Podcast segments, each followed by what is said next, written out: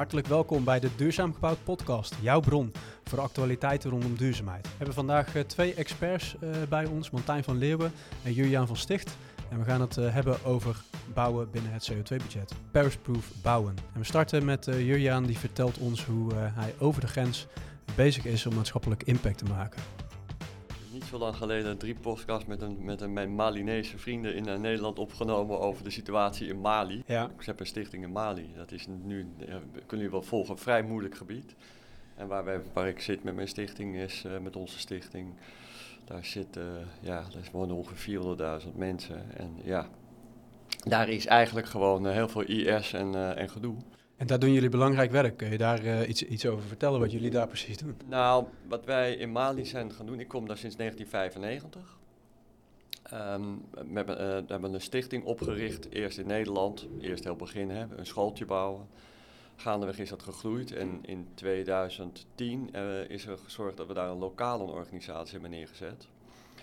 Um, die is gaan groeien en daar wordt gewerkt met vrouwen, eh, 8000 vrouwen. Er zijn scholen, onderwijzers die trainen.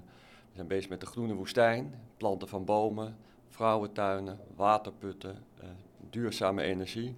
En vooral eigenlijk dat doen door de lokale bevolking met lokale teams. Ongeveer een gebied en ongeveer een impact op ongeveer 100.000 mensen. Um, er staan inmiddels diverse scholen, maar vooral ook technische scholen en eigenlijk learning by doing. Alles wordt daar gedaan door te doen, leren hoe het moet. En nou ja, dat is wat we is daar. Is het belangrijk onderdeel van jouw leven geworden? Want je praat er met, met veel passie en met, met toewijding uh, over. Ja, ik zie ik dat. Denk, uh, ik denk dat. Uh, maar ja, ik zou maar zeggen, ik heb twee of drie levens, zou ik maar zeggen. Hè. Gewoon mijn privéleven met mijn gezin en mijn vrouw en kinderen, dat is super belangrijk. Ja. Uh, daarna natuurlijk uh, een bureau wat we hebben met veel mensen, 40 mensen, veel jonge mensen, mannen en gelukkig heel veel vrouwen. Ook daar met maatschappelijke opgaves? Ook uh, met maatschappelijke opgaves, sociale woningbouw ja. en, en, en woningbouw en vooral bouwen in de stad en maken plekken voor mensen in de stad. Hè. Dat is heel, ja. vinden wij een belangrijk onderdeel van hoe maak je dat mensen zich thuis voelen, hoe kom je thuis.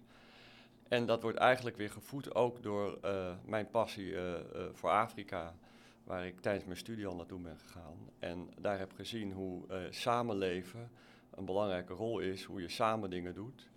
En, um, en het is een, uh, ik ga naar de Dogon, midden in Mali, een land waar nu oorlog is, uh, waar het lastig is, maar waar gewoon elke dag geleefd worden. En waar mensen ja, elke dag bezig zijn om gewoon voedsel te maken, naar school te gaan. En hoe kan je dat lokaal organiseren? En nou ja, het gebied waar wij zitten, zit, was ik ook vroeger veel naartoe ben ik 30, 40 keer geweest. Maar de laatste zes jaar, vijf, zes jaar niet meer. Omdat daar gewoon ja, door de IS en alle oorlogsgebieden moeilijk is. Neem je, neem je, dan ook uh, dingen mee naar je, naar je praktijk vanuit je... Ja, ik denk dat een van de dingen, dat is misschien dan het, het stapje naar uh, waar we hiervoor zitten. Ja. Um, het is zo dat um, dingen niet maken is het meest duurzame. En dingen simpel maken is ook heel duurzaam. En vervolgens bouwen met de materialen die je beschikbaar hebt, Zoals in Afrika, in Mali, bouwen ze met leem. Daar denken ze aan het klimaat. Leem is een materiaal wat fantastisch temperatuur opneemt, verkoelt. En toen kwamen erbij de modernisten en we gingen scholen bouwen van betonstenen. En die scholen werden knetterheet, hadden veel onderhoud, veel cement, hartstikke duur. Mm nou, daar zijn we in Mali uh, en inmiddels ook in heel veel Afrikaanse landen met een bedrijf Oscam, die geperste stenen maakt van aarde met een heel klein beetje cement, scholen gaan bouwen midden in het binnenland. De overheid zei vroeger, ook heel veel Afrikaanse landen, in Rwanda en Burundi, in, in al die landen is eigenlijk gezegd, bouwen met dat ouderwetse materiaal mag niet meer, het moet modern beton en staal. En inmiddels is in heel veel landen, daar is het besef van, hé, hey, als we bouwen met ons lokaal materiaal, is het klimaat van dingen fantastisch. Die scholen zijn koel, fris, ze kunnen het lokaal maken. Ze hoeven helemaal geen transport, want het materiaal, de rode aarde, die ligt naast de school. Je zet er een mobiele machine neer, je pers stenen, soms met een machine, soms met een handpers. En je gaat lokaal bouwen. Mhm. En zo bouwen we daar. En hoe bouw je dan? Mooi, dan moet je ook die mensen opleiden. Het lijkt wel alsof we weer een beetje terug naar de basis gaan. Nou ja, Eh, bouwen als de Romeinen. ja. Hè? Dus, dus een, je vroeg van wat leer je nou op bureau? Ja. Nou, bij ons op bedrijf eh, volgen veel mensen natuurlijk ook met veel passie. Ze zien ook eigenlijk de combinatie, de schakel van de verbinding. Ja. Maar ze leren ook eigenlijk van hoe kan je simpel, eh, ja, hoe moet, kan je simpel construeren. Het wordt natuurlijk ook een beetje het DNA van jullie bedrijf. Ehm, belangrijke zaken, Jurgen, die je nu eh, benoemt. Eh, ook belangrijk, eh, we zijn vandaag eh, te gast, eh Martijn, bij jou. Ehm, dank daarvoor. Eh, en we zijn eh, op, een, op een bijzondere locatie. Kun jij iets vertellen over het, eh, over het gebouw waar we nu in zitten? Want ja, er is nogal wat te vertellen over het gebouw. Want er is ook een link met het onderwerp van vandaag, namelijk ja, bouwen binnen het CO2-budget, CO2-positief bouwen, Paris-proof, net hoe je het wil noemen. Ja. Want volledig houten constructie, als ik al even een voorzet mag geven, dat viel meteen op toen we binnenkwamen. Kun jij wat vertellen? Jullie zijn hier gevestigd nu. Ja, nee, ja, we zitten hier nu een tijdje nu. We, we zaten eigenlijk in het andere gebouw op campus. En toen zagen we dat dit gebouw ont- ontwikkeld ging worden. En we spraken met de ontwikkelaar. En eh, eh, die legde ons ook uit wat hij van plan was te gaan doen. En dat is precies wat wij eigenlijk ook promoten dat de aandacht zou moeten krijgen. Het is dus niet een conventioneel kantoorgebouw geworden, maar eh, constructie van hout, vloeren van hout, de hoofddraagconstructie van hout. Minimaal materiaalgebruik, dus Mooi. wat niet nodig is, zit er niet in. Geen afwerkingen, geen dingen. Dus de installatietechniek zie je gewoon hangen aan het plafond. Eh kun je ook makkelijk bij, kun je ook makkelijk ook weer verwijderen Ja, of is veranderen. demontabel hè, van wat is in ik principe zo demontabel en weer weg te halen. Ja, Ja, dus die zou je dan, met al, als je het zou willen, later ergens anders weer toe kunnen passen. Nou weet ik dat installatietechniek ontwikkelt zich zo snel dat we die dingen die we nu hebben hangen, die gaan we over 25 jaar niet meer ergens anders hangen, vrees ik. Eh, misschien de kanalen wel, maar niet de actieve componenten die We- we zouden Dat- we ideeën zo veranderen daar zo snel over dat het niet We, we bij zouden ermee kunnen oefenen. eh, We we zouden ermee kunnen oefenen. We zouden ermee kunnen proberen. Demontabele installa- installaties. Dus, eh, ja. En we hebben de NPG natuurlijk opgevraagd en we hebben daar gekeken of het binnen het Paris-budget is gebouwd. En dan Ja. past het in principe net helemaal in. ja? Eh, dus eh, het heeft een hele le- beperkte fundering, ook omdat het licht is. Het is natuurlijk eh, een laag ding, hè, dus met drie lagen. Dus je hebt ook met windbelasting en andere dingen, hoef je niet te veel ingewikkelde dingen te doen. Dus het past prima in het eh, Paris-proof eh, budget op deze manier. Mooi. En de grootste last is het glas eigenlijk nog. NPG is een half ongeveer, 0,5. Ah, ja. 0,5. Dus eigenlijk klaar voor 2025 als we kijken naar eh, de brief. Ja, wij we vinden. NPG niet de juiste mate als je over Paris-proof praat. Want de NPG is eigenlijk een vertekend beeld, Ja. vind- vinden wij. Want eh, de NPG is over de hele levenscyclus, dat is prima. Integraal kijken zijn we ook geen tegenstander van.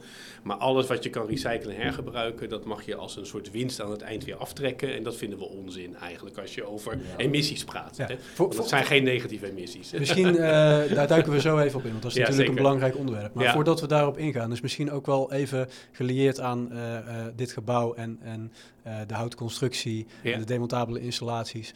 Is het ook wel belangrijk om even na te denken over de urgentie van een probleem.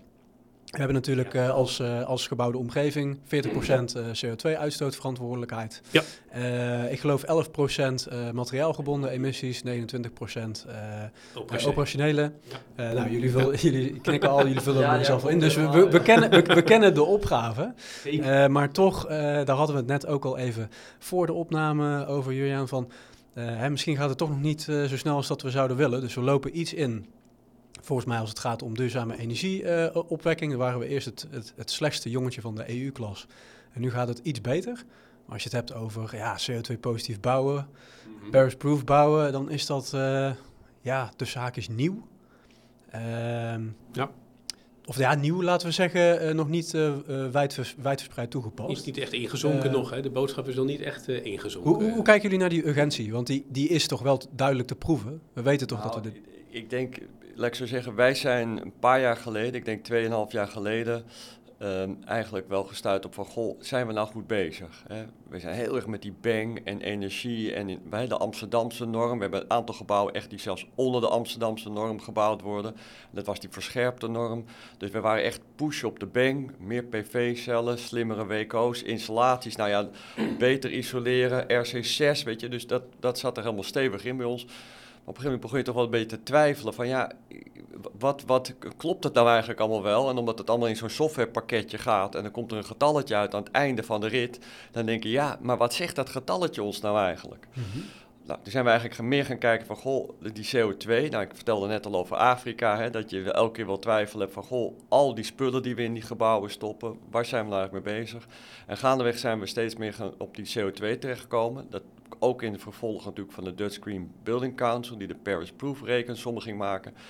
En wij kwamen erachter dat als wij een vergunning aanvragen als bedrijf, dan wordt het aan het einde, als we klaar zijn met ons voorlopig ontwerp, definitief, alles is klaar, dan gaat het naar de Oh ja, dan moet toch even een NPG-berekeningetje gemaakt worden. Ja, dan komt er 1 uit. Nou, dan moeten we naar 0,8. We hebben zelfs gebouwen op 0,6. Maar wat 0,6 watt? Mhm. Nou, vervolgens ga je dat dan uitkleden en eigenlijk merken dan van dat Paris Proof, daar voldeed eigenlijk geen van onze gebouwen aan die we onlangs hebben ingediend. Terwijl wij dachten echt top bezig te zijn. Hè. We hebben een gebouw van 0,6 en 0,7. Eh? En dan denk je, nou, kijk, ons is goed bezig zijn. Dan hoor je ook een minister, 0,5. Nou, dat... Maar ze zijn met 0,8 hebben we toch een gebouw waar 400, factor 2, factor 2, dus Paris Proof in zit als materiaal gebonden.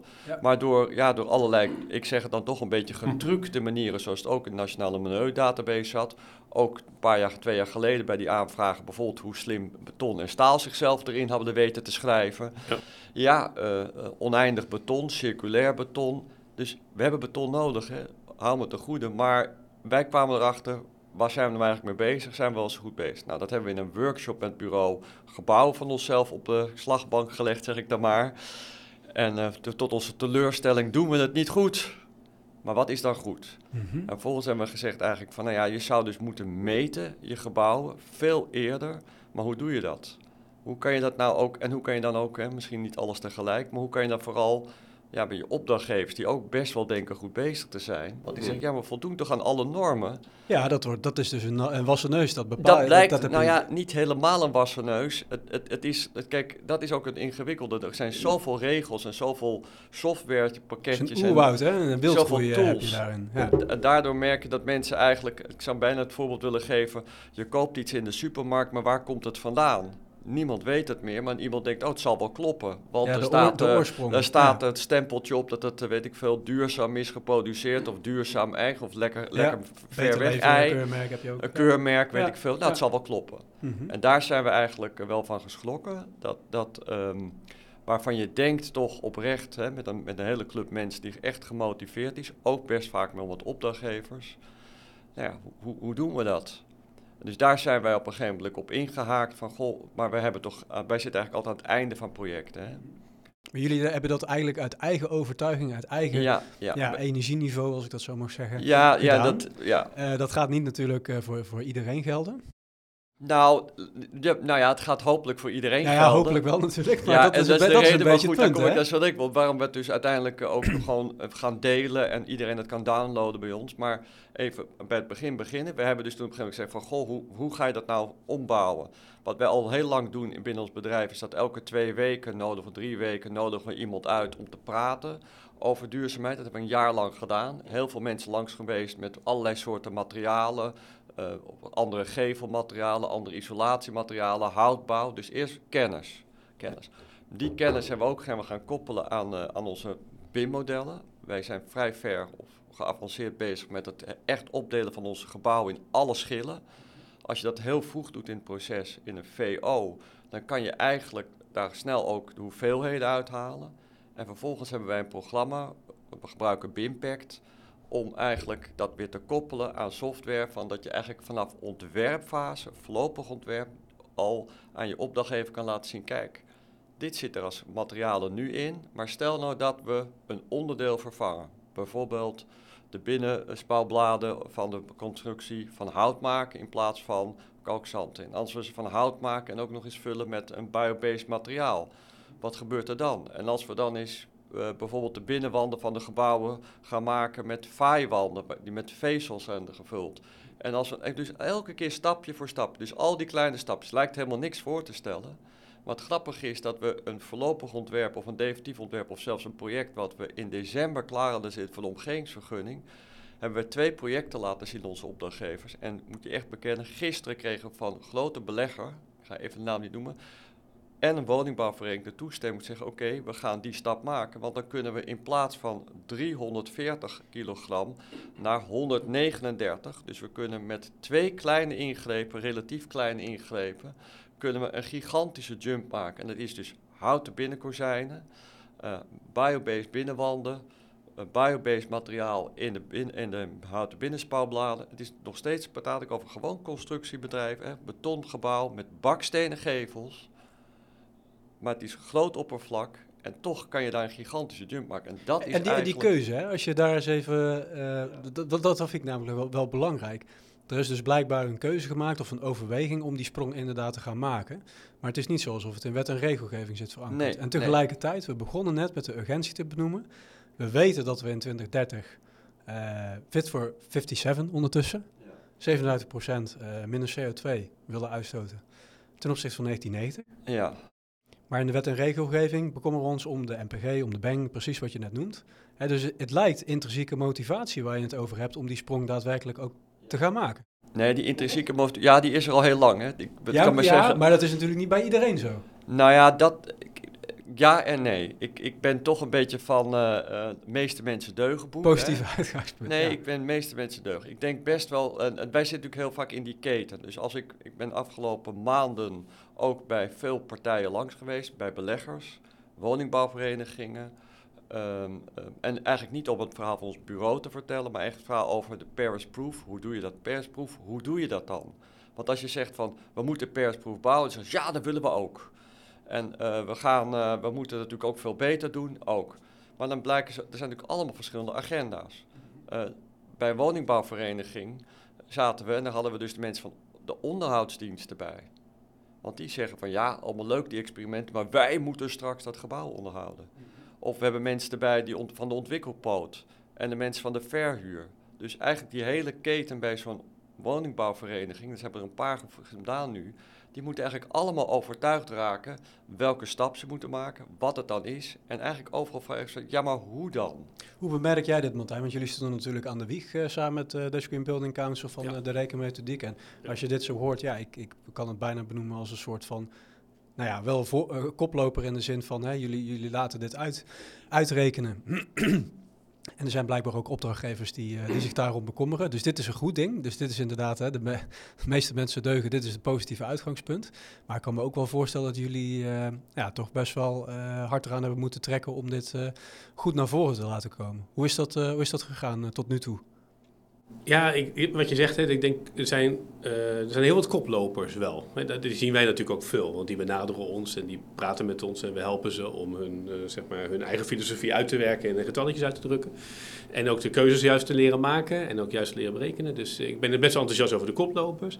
Maar de koplopers zijn toch maar gewoon een, heel klein deel van de markt. Het is echt, ik denk, wij denken zelf maar 5% of zo hooguit. En dan, de bulk is gewoon conventioneel. De bulk wordt gedaan door middelgrote aannemers, die zetten heel veel woningen neer in heel het land. Ik denk helemaal nergens over na. Ja, hoe beweeg je die, hè? En, en dat is, daar zit de zorg. De koplopers zit niet de zorg. De zorg zit eigenlijk in de volgers, of de laggers zelfs, hè, die dan achter, achteraan moeten komen. Dus, nou, we zijn in gesprek met het ministerie. Het ministerie is bezig om te kijken op ons voorstel. We hebben een voorstel gedaan. Neem die grenswaarde Paris Proof nou gewoon op in de NPG-systematiek als een soort NPG-2-indicator als eis. Gewoon een eis, wettelijke eis. Ja. En daar hadden we het net ook over. En dat, dat, ontbreekt, dat, ontbreekt nu in feite. Dat dus ontbreekt ja. nog wel, maar het komt er denk ik aan. Het is, de minister heeft natuurlijk gezegd dat hij dat in juni of juli naar de Kamer brengt met een concreet voorstel hoe hij dat denkt te gaan doen.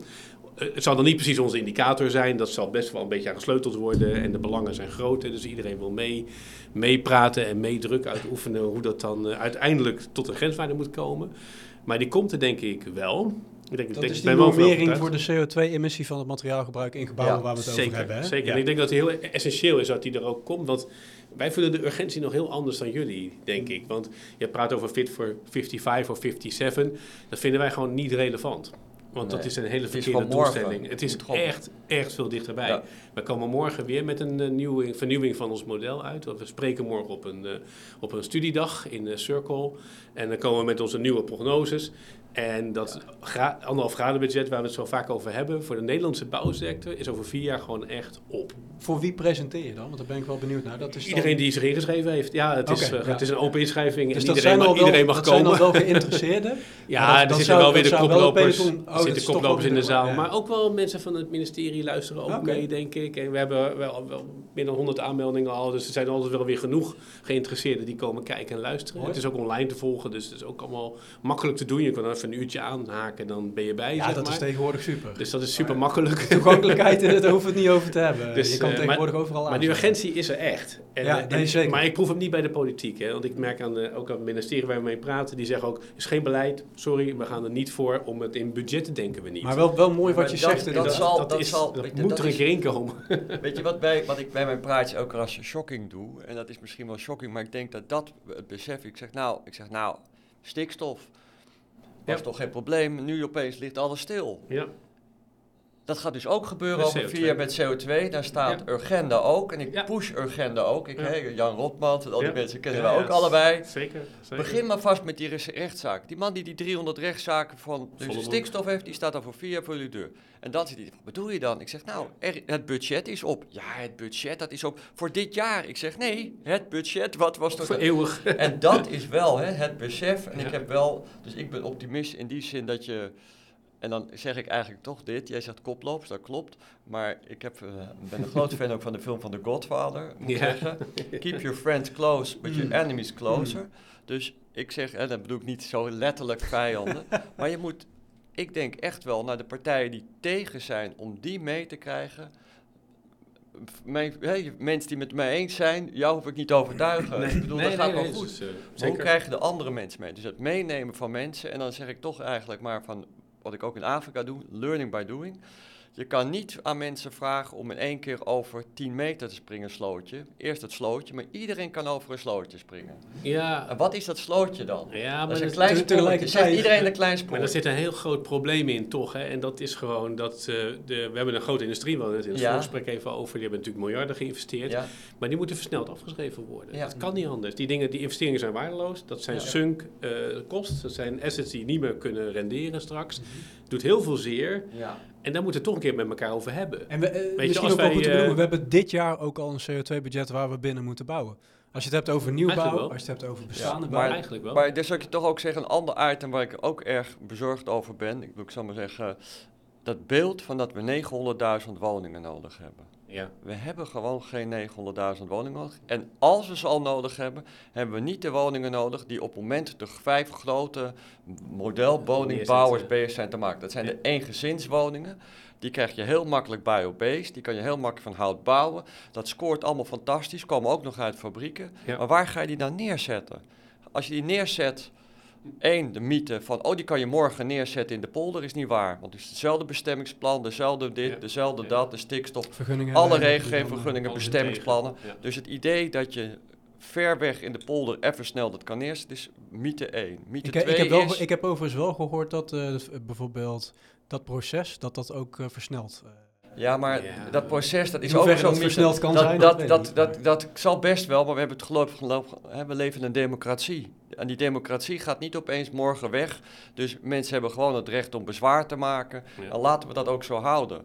Dus ik geloof niet dat je daar al die op... Dat zijn allemaal, dat noem ik altijd van die oplossingen die morgen kunnen... maar uiteindelijk niet li- blijken te werken... omdat het gewoon geen werkelijkheid gaat worden. Je kan niet morgen roepen we bouwen voor 100% biobased... want we kunnen het niet morgen. Maar even terug, dus hebben we die, 100, die hoeveelheid woningen nodig, is stap 1. We hebben in Nederland bijna 5 miljoen eengezinswoningen. Als ik even hier heel praktisch zeg, ik zit, we gaan iets doen in Lunetten, Utrecht. Hè? Daar, hebben de, daar zijn grotendeels van de woningen zijn daar drie, vier en vijf kamerwoningen. De gemiddelde woningbezetting is daar 75% van de huishoudens zijn alleenstaand of twee persoons. Ja. Nou, een lekkere match. Dan praat ik over bijna 16, 1700 woningen. Als die mensen die daar wonen, die zijn ook duidelijk ouder. Als je dus bij gaat bouwen en je gaat bijvoorbeeld verdichten bij lunetten, wat ga je dan bouwen? Twee- en drie kamerwoningen. Ga je mensen verplaatsen? Ga je mensen uitdagen? Ga je betere kwaliteit leveren of iets anders? Die woningen hebben we. Dus we hebben zat eengezinswoningen. Aardig is natuurlijk ook als je verdicht in de stad. Je hebt namelijk niet alleen een woning nodig, vergeet iedereen, maar een gezondheidscentrum met de huisartsen. Ja. Je hebt de winkels nodig, je hebt een scholen nodig. Waar worden de leraren dan? Dus je kan wel ergens ver. Dus dat snelle denken van we knallen even wat woningen neer. We moeten bedenken aan waar willen mensen wonen. Wat heb je nodig om een woonomgeving te maken? Maar zeg jij, dan, zeg jij dan ook om meer focus te brengen op de bestaande bouw? Of, of, of ligt, of ligt bestaande aan de bouw, ik denk dat een hele grote opgave ligt ook voor onze architecten. Ligt een gigantische opgave om de bestaande bouw heel snel te gaan verduurzamen. Daar gaat heel veel energie in ver- verloren. Misschien niet de meest sexy opgave voor veel mensen, maar daar moet ongelooflijk veel gebouwen. Hè. Als Maar je een ook daar heb je toch eh, het CO2-budget wat om de hoek komt. Ja, Zit ook in maar onze daar modellen. zou je ook Maar- de regelgeving Dat zien we Ja, morgen zeker. ook inderdaad. Morgen presenteren we ook dat als je die renovatieopgave goed bekijkt, dat is Ja. de elephant in the room. Hè. Dat Ja. gaat het, daar gaat het eigenlijk om. Ja, dus, Ja, dus Niet de die nieuwbouwopgave. Die We hebben in Nederland hebben we bijna 7,2 miljoen woningen staan. Ja. Dus die 900.000 is leuk, maar 7,2 en daarvan voldoet ongeveer 70 tot 80 procent absoluut niet aan huidige normen. Ja. Ja, eigenlijk alles wat na 2000, 2005 gebouwd is. Eh, alles daarvoor moeten we aanpakken. Zitten allemaal rond die EFG-labels. Dus daar ligt een gigantische opgave. Ehm, daar kan je ook, overigens, dat hopen wij ook in onze tool nu te gaan doen, drie bestaande projecten die wij gedaan hebben. De Benstorp, en, eh, wat, wat betekent als je nou bestaande bouw, als je die gaat verduurzamen, hoeveel CO2 heb je daar nou voor nodig? Hebben we ook nog nooit uitgerekend, is onze volgende klus waar we zelf op bureau mee over aan het nadenken zijn. Ook voor corporaties, als je een bestaande huisvesting, als je die gaat uitbreiden, eh, of, of huisvesting eh, voor studenten, kamertjes van 18 vierkante meter, misschien met een nieuwe uitbreiding, misschien met een stukje vier, meer vierkante meters en een andere gevel. Wat zou dat betekenen als het hele casco wel kan laten staan? Wat betekent dat in de CO2-footprint? Dus we moeten meer inzicht krijgen. Meten is weten, zeggen we ook in ons boekje.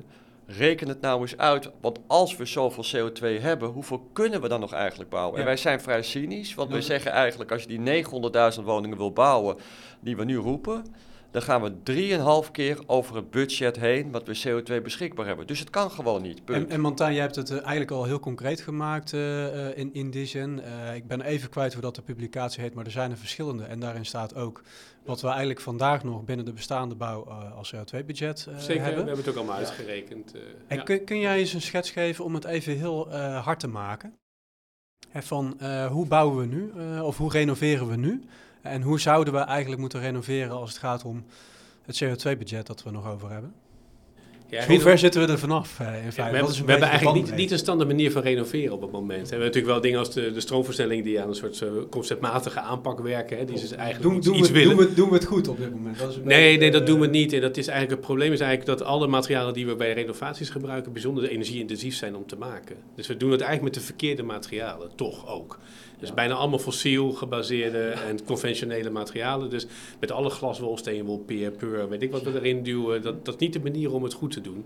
En als we het zo gaan doen, en dat, is- dus de, de schrik sloeg ons om het hart toen we installatietechniek uitrekenden. Dus bijvoorbeeld een warmtepomp, en die zijn er recentelijk ook allemaal uitgerekend.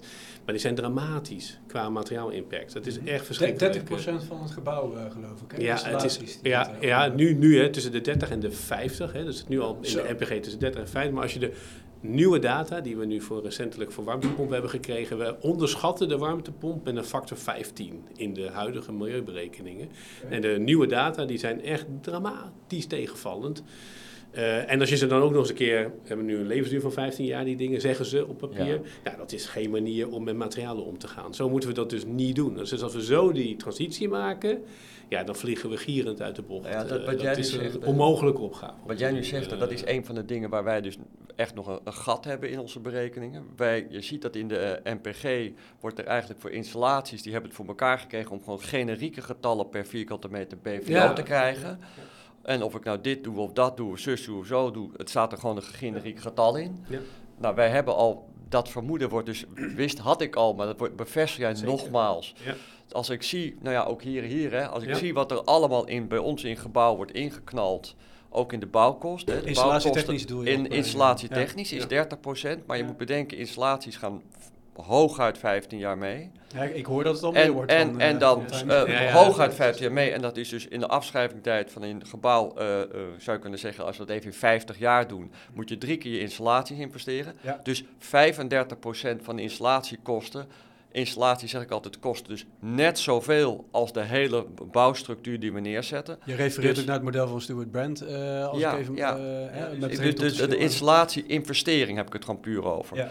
Je investeert in een gebouw, denk je nou, ik zeg maar zeggen, een ton. Dan denk je, oh, de 30.000 euro is dan installaties of 35 en 65 is de rest van het gebouw. Nee, ik zeg even voor je afschrijving investeer je een ton 65.000 euro in, uh, in je bouwconstructie. En drie keer 35.000 euro, 105.000 euro eigenlijk in installaties. Ja. Zullen we even, dus installaties, dus wij waren ook heel bezig minder energieverbruiken moet je doen. Hm. Maar moeten we die sommetjes niet anders maken? Dus bijvoorbeeld als je met biobased materialen gaat bouwen zou je misschien wel eens minder installaties nodig kunnen hebben, bijvoorbeeld voor ventileren. Want, het, eh, want het klimaat kan, gaat heel anders werken. Misschien moeten we ook uitrekenen, zoals nu gebruiken, ze altijd de klimaattabellen. Uh, Fabi uh, gebruikt nog steeds die mhm. klimaattabellen, geloof ik uit 1987 of zoiets. ja, ja, en dan moeten we 22 of 24 graden kunnen stoken in ons huis. En oké, we moeten doordat we zo slecht bouwen ongelooflijk verkoelen op het moment. Nou, koeling is een drama, factor 5 qua energie. Dus de installatiebranche heeft totaal, heeft het totaal ontvlucht. Hè. Die zijn helemaal van, wij zijn van de bang en we doen het goed. Dus hoe meer installaties, des te beter. Ja. Ik, ik zal wel een wel ander, wat leuker voorbeeld geven. Wij hebben um, geschreven aan het... Um, en hebben we ook Nibe overigens, hebben die op de zijlijn met ons meegedacht. Dat is wel twaalf jaar geleden inmiddels. hebben we een duurzaam, een duurzaam depot gemaakt in Friesland. En dat duurzame depot in Friesland, dat is eigenlijk eh, voor de musea daar. En wat we gedaan hebben, is dat we met een bouwvisiebureau, onder andere LBP, Luc Schaap, fantastisch, hebben we eigenlijk een omgekeerde grot gebouwd. En hoe ziet die grot eruit? We hebben een niet geïsoleerde vloer. Uh, dat zijn de depotruimtes. Eén hele grote depotruimte in stukken.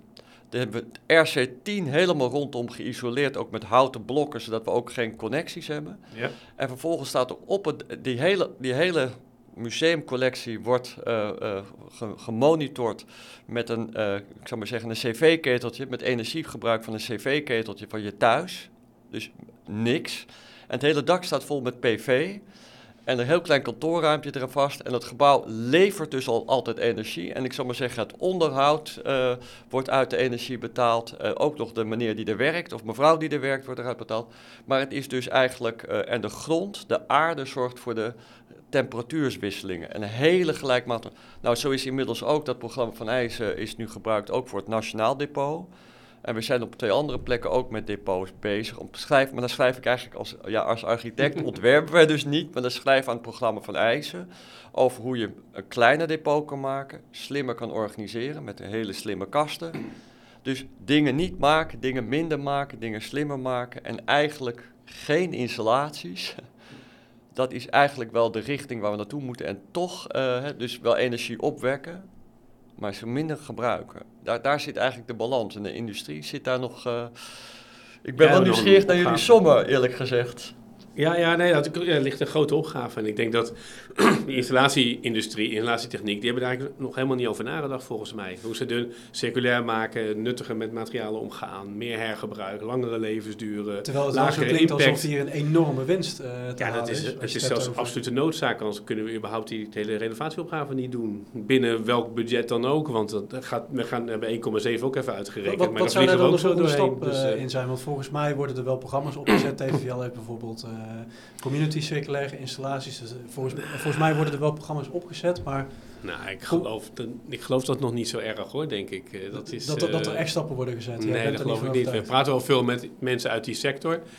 Maar die zijn eigenlijk alleen maar bezig. Ja, met alle respect, ik snap het ook wel. Ze hebben vreselijk veel werk te verzetten. Ze zijn alleen maar bezig om projecten uit te voeren. niet om na te denken. Ze hebben geen tijd om na te denken. Dat is natuurlijk wel. Ze zijn gewoon hard aan het leveren. Terwijl als je inderdaad kijkt naar die vervangingssnelheid, dan zou je juist je zou, nou ja, iets met circulariteit. je zou bijna even op de pauzeknop willen drukken en zeggen van jongens, eerst moet het herdacht worden voordat we het doen. Want als we het zo doen, dan, dan kunnen we binnenkort ook wel stoppen. Ja, maar er zijn, is, ik denk net als een beetje met de bouw, met, ook met de bouwmaterialen. Kijk, biobased materiaal is natuurlijk eigenlijk geen rocket science. Hè?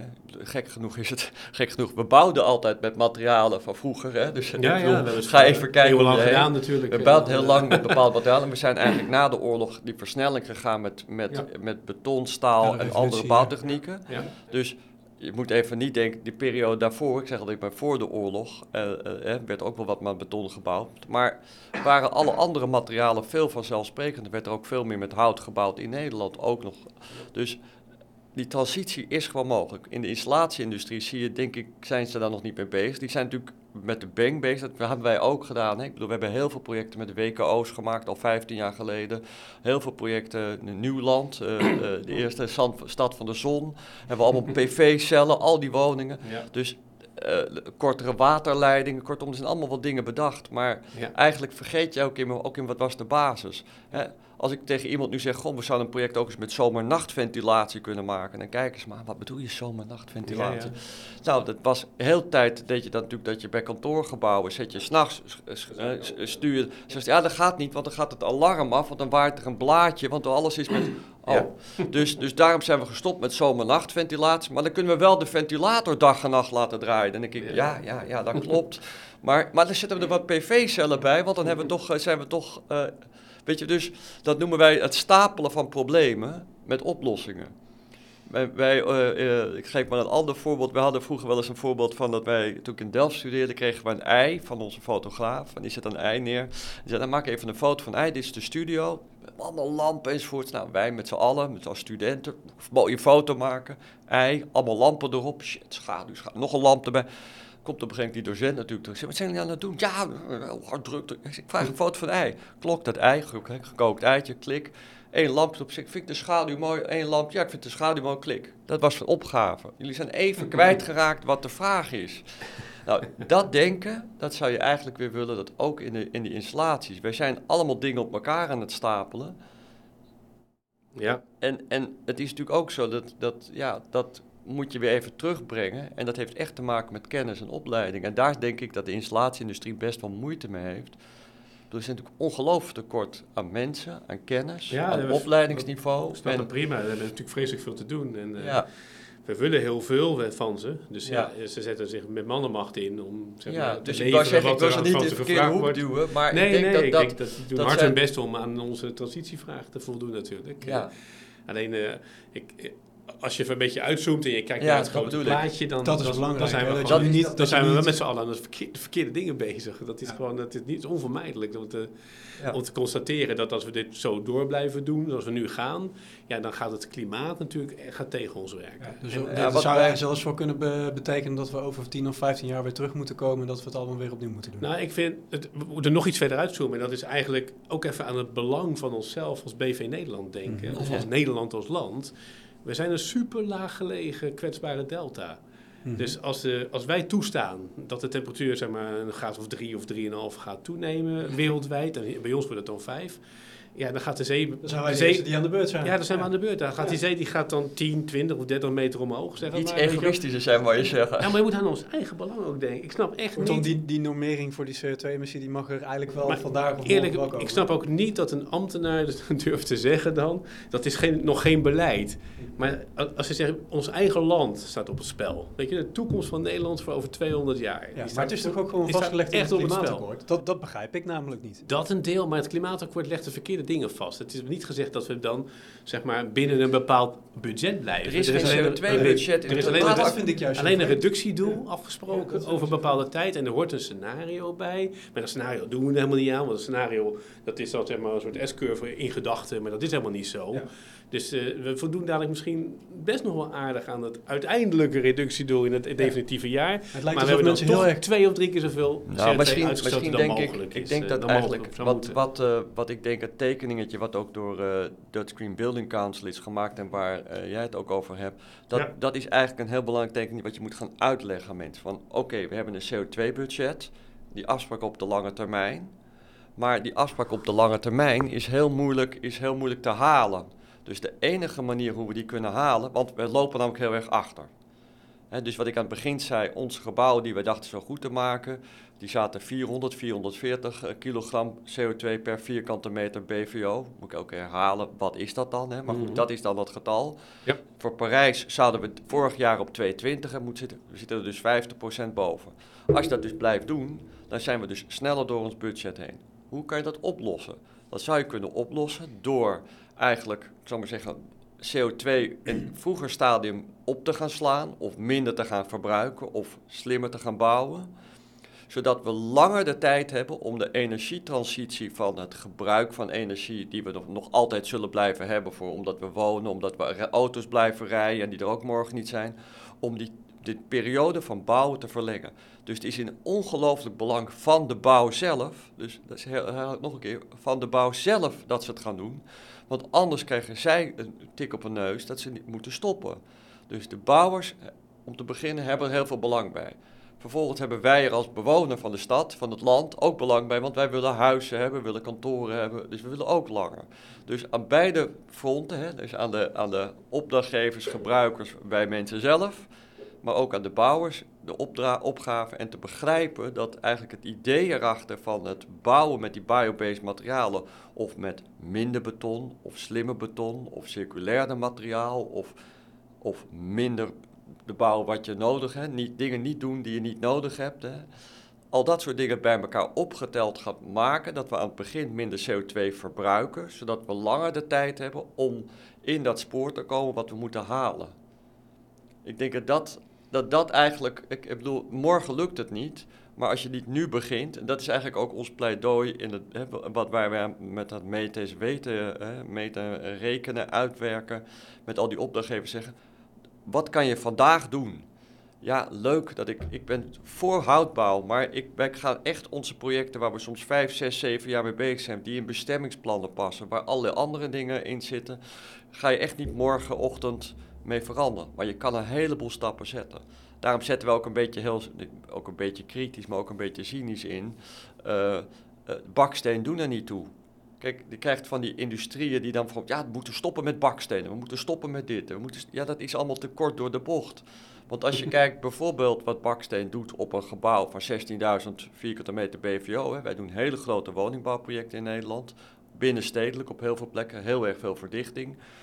Nou, daar maken we nog steeds heel veel baksteengevels. Die zijn misschien niet circulair, kan je niet weghalen. Maar uh, ja, dat zit wel al lang in allerlei afspraken en regels. Als we die als gaan wachten uh, tot dat allemaal gaat worden, hè, om de Zuidas een toren van 70 meter in houten gevels, dat gaat niet zo snel gebeuren. En ik heb ook niet morgenochtend een brandbaar enzovoort materiaal gereed. Dus dat baksteen, dat gaat dan. Maar uiteindelijk op de impact van het gebouw is het, is het 3%, 2%, is het niet de grootste impact. De grootste impact kunnen we met die baksteen kunnen we nog steeds naar die 139 komen. gaan we ook doen in het project in Tilburg. We komen op 139 uit, dat is Paris Proof 2030. Met een baksteengevel en met een houten binnen, binnendoosjes van Finch in dit geval. Of een gelijk, vergelijkbare houtbouw. Mhm. En dan zie je bijvoorbeeld dat die baksteen, ook in de bouwfysische zin, want prachtig hout, maar dan mis je een beetje massa, warmt ook een beetje op. Goh, dan kunnen we aan de buitenkant de warmte alweer tegenhouden. Dus bouwfysisch uitrekenend komt een wat zwaardere gevel beter uit als wat ik bijvoorbeeld nu op Eiburg zie, houten doosjes met leuke, architectonisch leuke zwarte gevels. Nou, je knalt zo direct de woning uit. En dan is het van, kijk, leuk hout, maar zwarte gevels van hout met een houten binnendoosjes. Die woningen worden knetterheet. En dat, oh, dat is opgelost met een airco en een warmtepomp. ja, en dat is dan met zonnepanelen. Dus dat is een beetje stapelen van... Uh, van dat is weer het stapelen. Dus one-liners, dat is echt de combinatie. En het is ook materiaalkennis. Hè. Dat is denk ik een van de andere dingen die ons zorgen baren. Uh, wij merken dat, uh, toen ik, een beetje oude lul word je dan hè, als je het zegt, maar in Delft in de jaren 80 was materiaalkunde en in Eindhoven was materiaalkunde een heel belangrijk onderdeel. Herkennen van 40 soorten hout, allerlei soorten materialen. Dat zijn allemaal dingen die ook op de hogeschool, HVA's, wordt eigenlijk nauwelijks, werd, werd nauwelijks meer gedaan. De laatste jaren komt dat weer, gaat dat weer terugkomen. Materiaalkennis, wat is materiaal eigen? Dat is een beetje net zoals hè, wat ik net al zei, bij de supermarkt iets kopen en niet meer weten waar het vandaan komt. Ik denk dat het ook toch wel een, een, nieuwe ople of een opleving gaat, gaat krijgen aan de hand van Paris Proof rekenmethodiek bijvoorbeeld. Hè? Dat mensen zich toch weer meer gaan inlezen over wat doet een materiaal nu eigenlijk. De, op zoek gaan naar onderzoeken die er ook zijn over wat de impact is. Uh, de Nationale Milieudatabase daarover raadplegen voor zover die uh, met, met, met gedetailleerde informatie is gevuld. Want dat is natuurlijk ook nog altijd een, eh, een uitdaging. Ja. Um, als we even, um, we gaan naar de afronding toe, want we kunnen uren door blijven praten en blijven we niet doen. als we naar het advies gaan kijken, want Wij komen natuurlijk heel graag terug, Martijn, op het moment dat die normering uh, inderdaad in wet en regelgeving is opgenomen. Maar tot die tijd zullen we toch even zelf moeten doen, heb ik het idee. En dan moeten we wel de juiste keuzes maken. En dan kun je, hè, je zegt ook al van jullie zijn daar ingedoken en hebben dat op jullie genomen. Tegelijkertijd zijn er een heleboel organisaties die misschien niet weten hoe dat ze moeten losbreken van een bepaalde standaard die ze hebben neergezet. Uh, of uh, misschien een heleboel beren op de weg zien. We noemden er net al een aantal vergunning, uh, binnen budget blijven. Nou, zijn er een heleboel te noemen. Ja. maar wat zou het advies zijn voor, voor partijen die ook nou, hier wel interesse in hebben, die, maar die misschien niet weten hoe te beginnen? Ja, er is al hartstikke veel informatie te vinden volgens mij. Er lopen zat mensen rond uh, die uh, kunnen helpen uitleggen hoe het moet. Uh, als je maar een klein beetje de moeite doet. Dus het gaat om de wilskracht? Ja, als je maar een klein beetje moeite doet om dat te vinden, dan vind je die mensen die je dat kunnen vertellen. Er lopen ja. er zat van rond. dus wat ik meestal zie in de praktijk tot nu toe, is wat je zegt binnen budget blijven. De kosten is blijkbaar het, e-, het eerste wat ze tegenhoudt eigenlijk. Om het, ja, is, is dat... Is, in mijn, is, is dat, in mijn ervaring. Of, of, of, is het ik het feit dat je... over de kosten. Dat hoor ik het meest. Of, of is het het feit dat je moeite moet doen om te leren... Nee, er zijn heel veel die ook die moeite wel willen nemen, die het ook uitzoeken, maar die dan toch uiteindelijk zeg maar uh, op kostenstuk lopen, omdat ze zeg maar okay. heel, heel benauwd zijn om uh, iets aan onzekerheid in kosten mee te nemen in hun uh, plannen. Want ze weten niet hoe het uitwerkt. En okay. het is een concurrentieveld, dus sterk. Hè? Dus als je je uit de markt prijst, dan hebben ze al gauw het gevoel dat, dat wordt te veel en dan gaan we het verliezen. Daar beginnen we niet hoe, aan. Hoe gaan we daar duidelijkheid over krijgen? Nou, Want dat is dan een van de belangrijkste drempels die je Laat ik zeggen, stap 1 jouw vraag is, ik denk inderdaad, ja, je moet geen missionaris worden. Hè? Ik zou maar zeggen, de hele tijd maar blijven rondpraten. We moeten het gaan doen. Uh, waar wij om die reden, uh, uh, dat begon ik aan het begin te zeggen ook, wij hebben inderdaad gewoon gezegd, nou we hebben dat als bureau gedaan. Vervolgens hebben we dat nu weer samengevat in een soort boekje, wat gewoon gratis door iedereen te downloaden is, waar vrij simpel in staat welke stappen kan je zetten, wie kom je tegen en hoe kan je mensen overtuigen. Vanuit jullie perspectief is dat dus belangrijk om te benoemen, hè? Dat, dat, dat, ja, dat jullie daar ook weer een eigen, jullie delen kennis, maar jullie voegen daar ook nou, weer zelf ik, kennis ik aan denk toe. eigenlijk zo dat ik zou kunnen zeggen, de kennis is er. Hè? Wat ook hier gezegd wordt, ik bedoel, uh, uh, RVO heeft een prachtig boek, Carbon-Based Design, Martin Sabota, uh, City Forester, allerlei partijen, die zijn ermee bezig. Op Nibé site kan je veel vinden, bij Dutch Green. Building Council kan je veel vinden. Ja. Informatie is te vinden waar wij ontdekt hebben zelf, als ik dat zeg als advies, is van hoe dan? Want het zijn fantastisch lange rapporten. Ik heb altijd geleerd van een wethouder Jan Schever. Kom hier met de voorstel met twee A4'tjes. Kan je welk A4'tje moet lezen? Gooi er één weg. Heel veel mensen in de branche, het is veel te veel. Dus wat oh, ik, vond het, ik vond het dit keer eigenlijk wel behapbaar. Want uh, nee. ik, moet, ik moet zeggen, Bang vond ik pittig. ja, ja, ja. maar maar, maar uh, ik vond het op... Nee, maar dat, dat ben ik serieus. Ik vond het op dit, op dit vlak wel behapbaar. In ieder geval de publicatie uh, Paris Proof vond ik... het leek alsof ik in een middag... ik wil het niet te plat slaan. Mm -hmm. Alsof ik binnen een middag eigenlijk... in ieder geval genoeg informatie had om zelf... Uh, aan de slag te gaan en om, om zelf uh, in ieder geval onderzoek uh, te plegen naar hè, hoe doe ik dingen, hoe ga ik dingen misschien veranderen. Ja. Nou ja, dus dat viel me eigenlijk nog wel mee. Ja, het valt ook wel mee, maar laat ik zo zeggen, ik merk toch, dus wij hebben gemerkt toch dat bij, hè, dus ik, dan moet toch echt in de hele keten kijken. Dus iemand van de afdeling onderhoud bij een woningbouwvereniging, die gaat niet doen wat jij doet. Dus die moet het in een nog een kleiner hapje, brokje binnenkrijgen en het moet verleid worden. Dus we hebben geprobeerd een soort verleidelijke publicatie te maken met weinig tekst, veel plaatjes. Dus zeker dat, zeker de ontwerpbranche, ja. zeker onze collega's ja. de ontwerpbranche, visueel zijn visueel ja. ingesteld. Maar we merken ook best wel veel partijen en ontwikkelaars, dat is één. Een paar simpele lessen. Een van de belangrijkste is, de impact is het grootst als je gaat over de omvang. Dus we moet, wij moeten grote stappen maken met z'n allen. En dat kan je natuurlijk doen door, door inderdaad alleen maar koplopers te hebben. Maar het gaat niet om de koplopers, het gaat om dat de brede branche brede stappen gaan zetten. Massa, ja. Dan heb je veel meer impact. Dus ik ben niet tegen dat we een paar shining guys hebben die fantastische architecten met geweldige mooie houtprojecten. Moeten we vooral blijven doen. Maar dat, wordt niet, dat is niet de oplossing. De oplossing is de brede impact. Tweede zeggen wij van ga uh, het proces aan. Dus ga als ontwerpers, en dat zeg ik even als ontwerpend Nederland, en dat zijn constructeurs ook, dat zijn installatieadviseurs, ga aan het begin van je proces kijken van wat de echte je impact is van wat je doet. En ga je opdrachtgevers en beleggers en investeerders en al die partijen meenemen. Wat houd je tegen en welke stap moeten we zetten en wat is de impact als we dit of dit of dit doen in een project? Het laatste wat ik erover ga zeggen is van ga niet iets uitsluiten. We blauwe beton, er blijven bakstenen, maar maak de genuanceerde afweging. En als aller, allerlaatste, in Tilburg dat project, ik praat jullie, iedereen heeft het over 20% en veel duurder.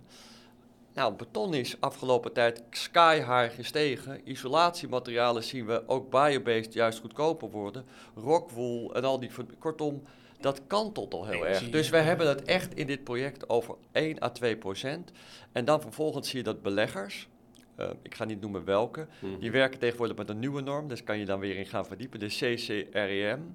Dat is eigenlijk voor bestaande bouw, maar die willen ook dat hun nieuwe gebouwen over 15 tot 16 of 17 jaar, eigenlijk na oplevering, hè, dus als je begint met bouwen, na 15 jaar na oplevering, een bepaalde CO2-waarde heeft van energieverbruik. Mm. En dan zie je dus als je dat soort kennis hebt, en je zegt het voldoet, en dat is ook een soort Paris-proof norm, namelijk Paris-proof voor energieverbruik en Paris-proof wat je in de gebouw stopt. Als je die kennis weet als bedrijven, dan zie je eigenlijk van hé, hey, 2, 3 procent extra investering, dat boeit helemaal niet.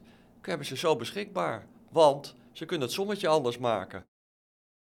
En om het sommetje anders te maken, dus follow the money is ook echt een tip.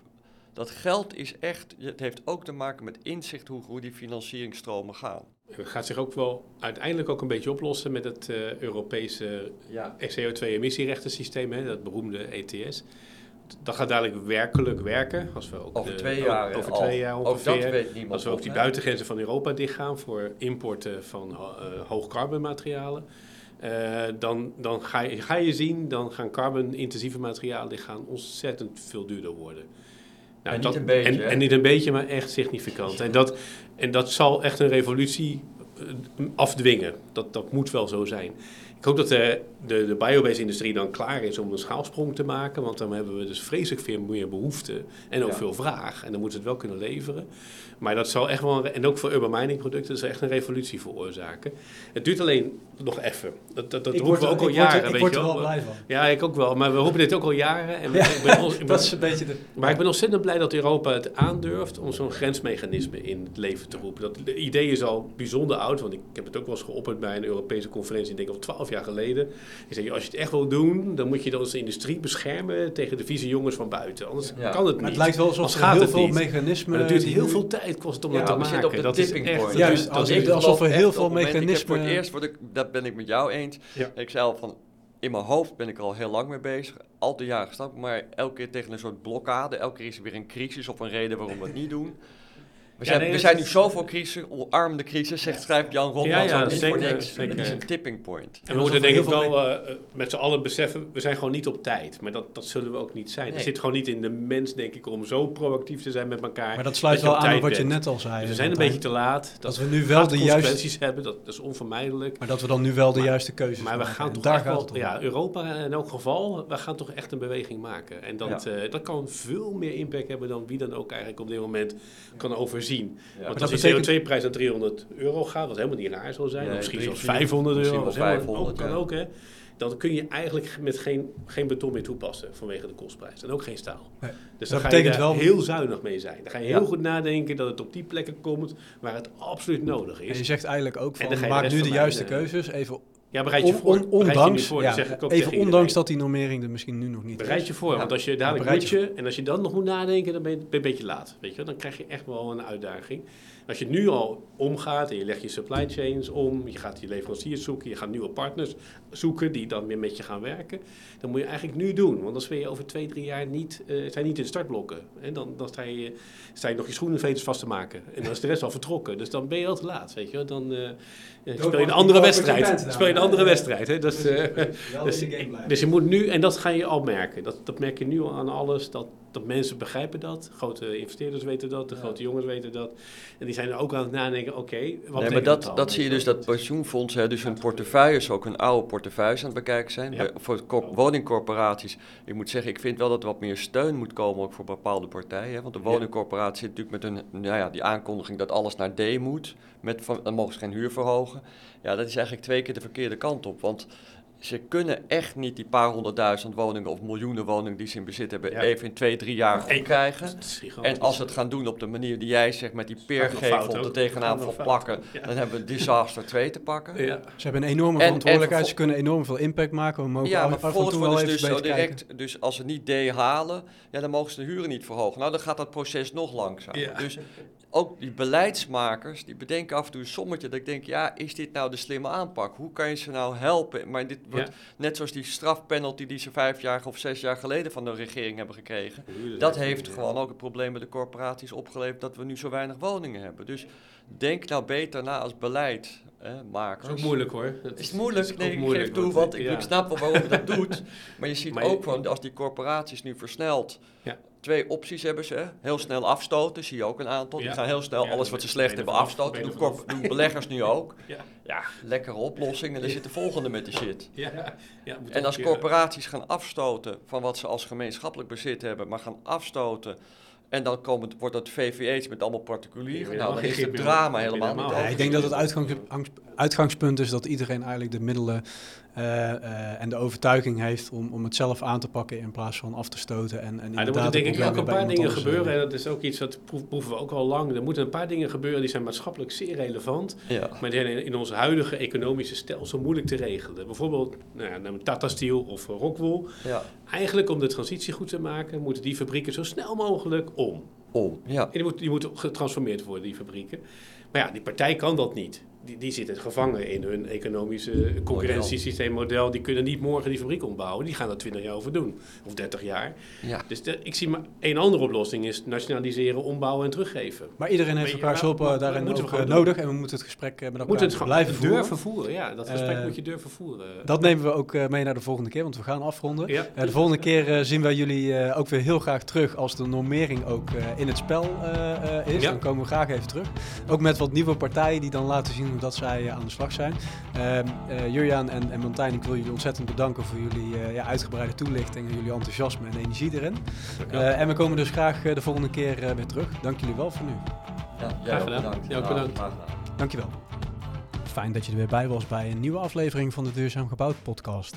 Stuur ons even een berichtje op eh, LinkedIn en op Twitter, Duurzaam Gebouwd, over wat je ervan vond en welk onderwerp je graag naar voren wil laten komen. De informatie waar we het vandaag over hebben gehad, die vind je op carbonbaseddesign.nl, maar ook op dgbc.nl. Daar vind je onder andere het achtergrondrapport Paris Proof en ook het rekenprotocol. Graag tot de volgende keer. Dankjewel voor het luisteren.